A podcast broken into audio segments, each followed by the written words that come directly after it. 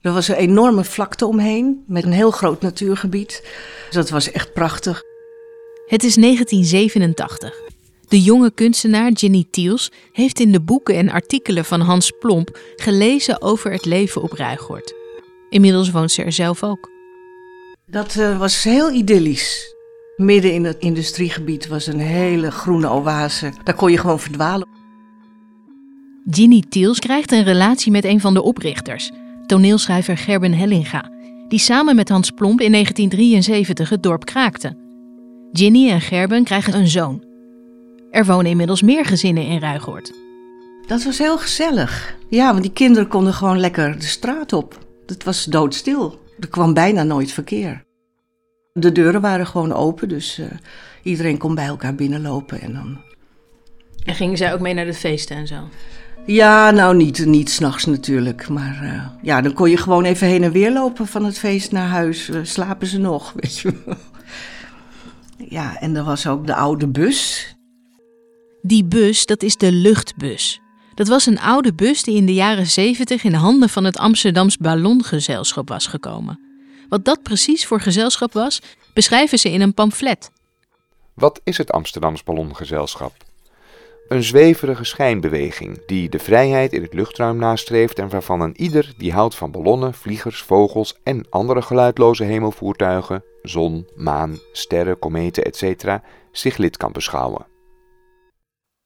Deze zweverige schijnbeweging bestond uit muzici, dichters, clowns en beeldend kunstenaars van Ruigoord. In 1979 gaan ze met z'n allen op reis, in de luchtbus. Eigenlijk de hele wereld zijn we rondgetrokken. Hans Plomp. Ook vooral naar geestverwanten of andere festivals of andere nederzettingen. De eerste reis in 1979 gaat naar India. Daar is Ginny Tiels nog niet bij, maar later reizen zij en haar gezin ook regelmatig mee. Naar Polen, Engeland, Portugal. Wat we deden was uh, allemaal banken rondom. Dus niet van die banken achter elkaar zoals gewone bussen. Maar die waren aan de zijkant gemonteerd, zodat we er ook in konden dansen. Hè? Nou, die, die ruimte tussen die banken die werd volgelegd met alle bagage. Daarop alle matrasjes. En dan gingen we gewoon liggen. ja, het was net een soort moederschip. Als dat ding vertrok en je lag daar, dan werd ik helemaal gelukkig. Nou, en dan stopte de bus ergens. Dan sprongen we eruit. Werden de tafels van het dak gehaald. En uh, gingen we koken meteen. Meteen een rooster. Wie veegt de bus en wie gaat er koken en dat soort dingen. Wie doet de boodschappen. De ruighoorders bezoeken festivals over de hele wereld en treden daar dan ook vaak op. Er zaten wat schrijvers bij die dan meedachten. Nou, dan gingen we daar kostuums zitten maken. Nou, intussen renden de kinderen er tussendoor. En uiteindelijk, na veel gekrakeel, hadden we dan een voorstelling. Ik begreep nooit hoe dat lukte, maar het lukte altijd. En dan kwamen de mensen van buitenaf kwamen er naar ons kijken. Ja, een soort reizend circus kan je het ook wel noemen.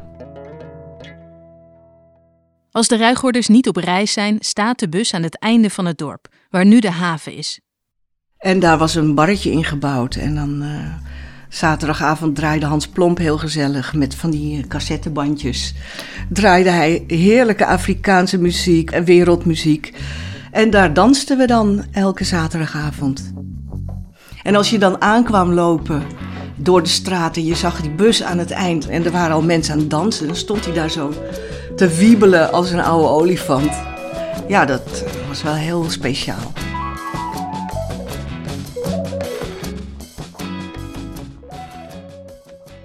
Sprookjesachtige feesten, met z'n allen in een bus de wereld over, kinderen die in de vrije natuur opgroeien. Het klinkt allemaal heel idyllisch, zoals de groep kunstenaars daar in Ruigoord een eigen plek had ingericht. Maar was het ook alleen maar roze geur en maneschijn? Was er nooit ruzie, zoals je ook vaak hoort over communes uit die tijd?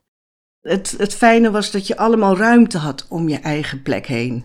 Dus als je ruzie had met iemand, dan kon je je gewoon in je eigen huis terugtrekken.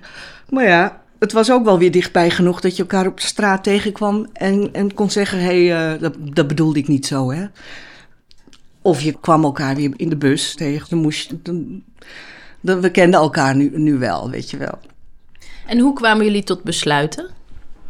In de dorpsvergadering. We hadden een dorpsvergadering waar uh, waar we dingen bespraken met elkaar. En in het begin ehm, schreeuwden we heel hard door elkaar.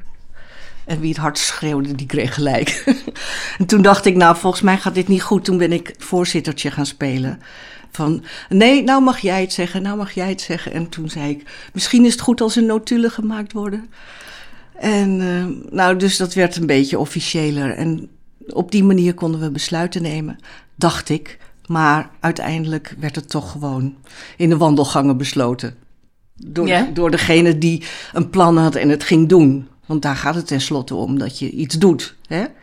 En dan kan je lang praten over iets, maar er gebeurt er niks. En degene die iets doet en daadkrachtig is, die, die is dan op dat moment de baas. En waren dat vaak de mannen? Dat waren wel vaak de mannen, maar er waren heel veel vrouwen met veel invloed. Maar allemaal wel op de achtergrond, maar wel sterke vrouwen die, die zich niet eh, lieten piepelen, hoe zeg je dat? Hè? Dus het was wel gelijkwaardig verdeeld in die zin. Ja, gelijkwaardig, gelijkwaardig. Ehm, het is gewoon ook lastig als vrouw. Sowieso. En dat was in Ruigort niet minder. Ja, het is net de gewone wereld hoor.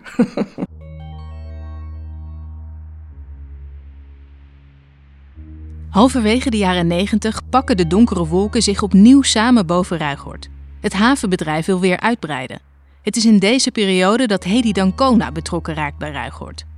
Ik ben Hedy Dancona. Ik ben actievoerder, nog steeds. Ondanks het feit dat ik midden in de 80 ben, 85, eh, voordat mensen gaan zitten rekenen. Ze heeft dan net een relatie met kunstenaar Aad Veldtoen, die in Ruigoord een atelier heeft. Ik herinner me dat ik voor de eerste keer op een van de jaarlijks terugkerende gebeurtenissen kwam. Dat eh, was het landjuweel.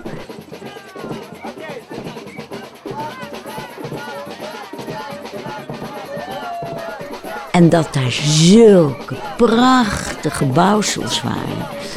Die mensen eh, bedacht hadden, maar ook dan niet alleen bedenken, maar ook maakten dat ik met stomheid was geslagen. En dat de sprookjesachtige sfeer die opgeroepen werd, s'avonds als we daar naartoe gingen. En dan waren er versierde paden door dat grote duinachtige gebied wat er toen nog bij hoorde. Dus dat was heel bijzonder. Dan was het landjuweel ook echt een heel groot gebeuren, waarbij honderden tenten daar in die duinen stonden. Ik was eigenlijk ehm, toen vooral eh, overdonderd door wat zij tot stand konden brengen, de fantasie, maar ook en de vindingrijkheid, maar ook de handvaardigheid, dat ze het konden maken allemaal. Alles konden ze maken.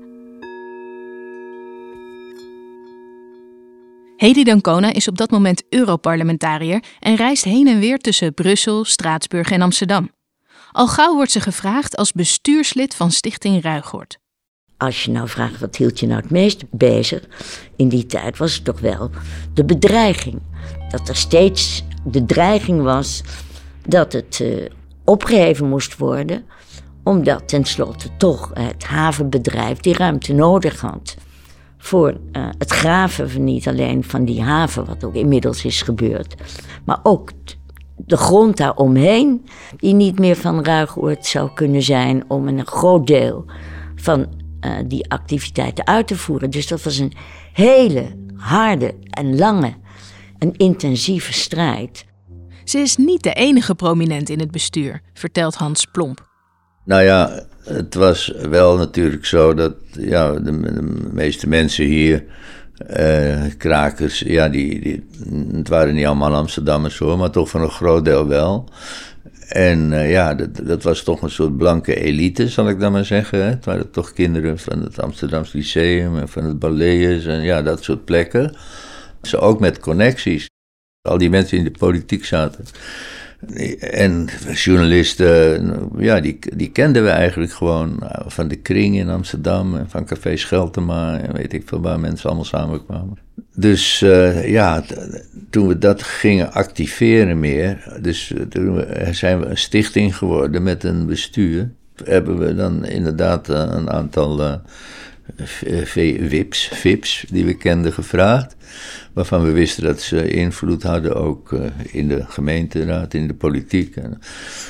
En, uh, nou ja, vanaf dat moment, ja, dan, ja dat, dat is wel heel gek. Ze kunnen gewoon niet meer om je heen op een of andere manier. Want ze stuiten altijd op Hedy Dancona of op Felix Rottenberg of weet ik wel wie. Of Albert Heijn, die heeft ook nog in het bestuur gezeten.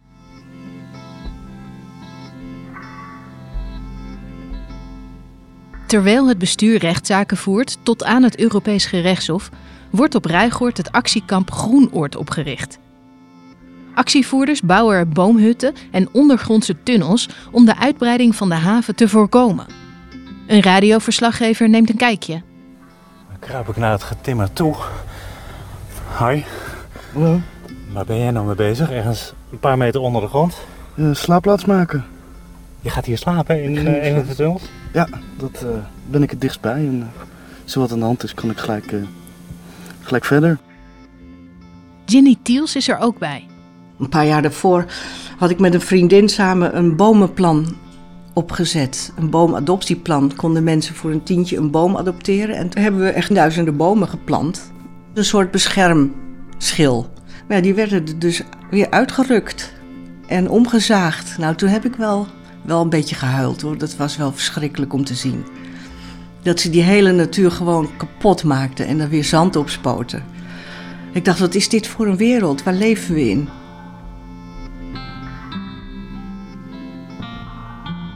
De bomen die bescherming hadden moeten bieden, worden gekapt. En Ruigoord verliest de rechtszaken. Het einde van het dorp lijkt nu echt in zicht. En toch weten de Ruigoorders opnieuw de sloop te voorkomen. In de volgende aflevering hoor je hoe. Steeds als we dachten, nou nu lukt het niet meer, dan gebeurde er weer iets ongelooflijks.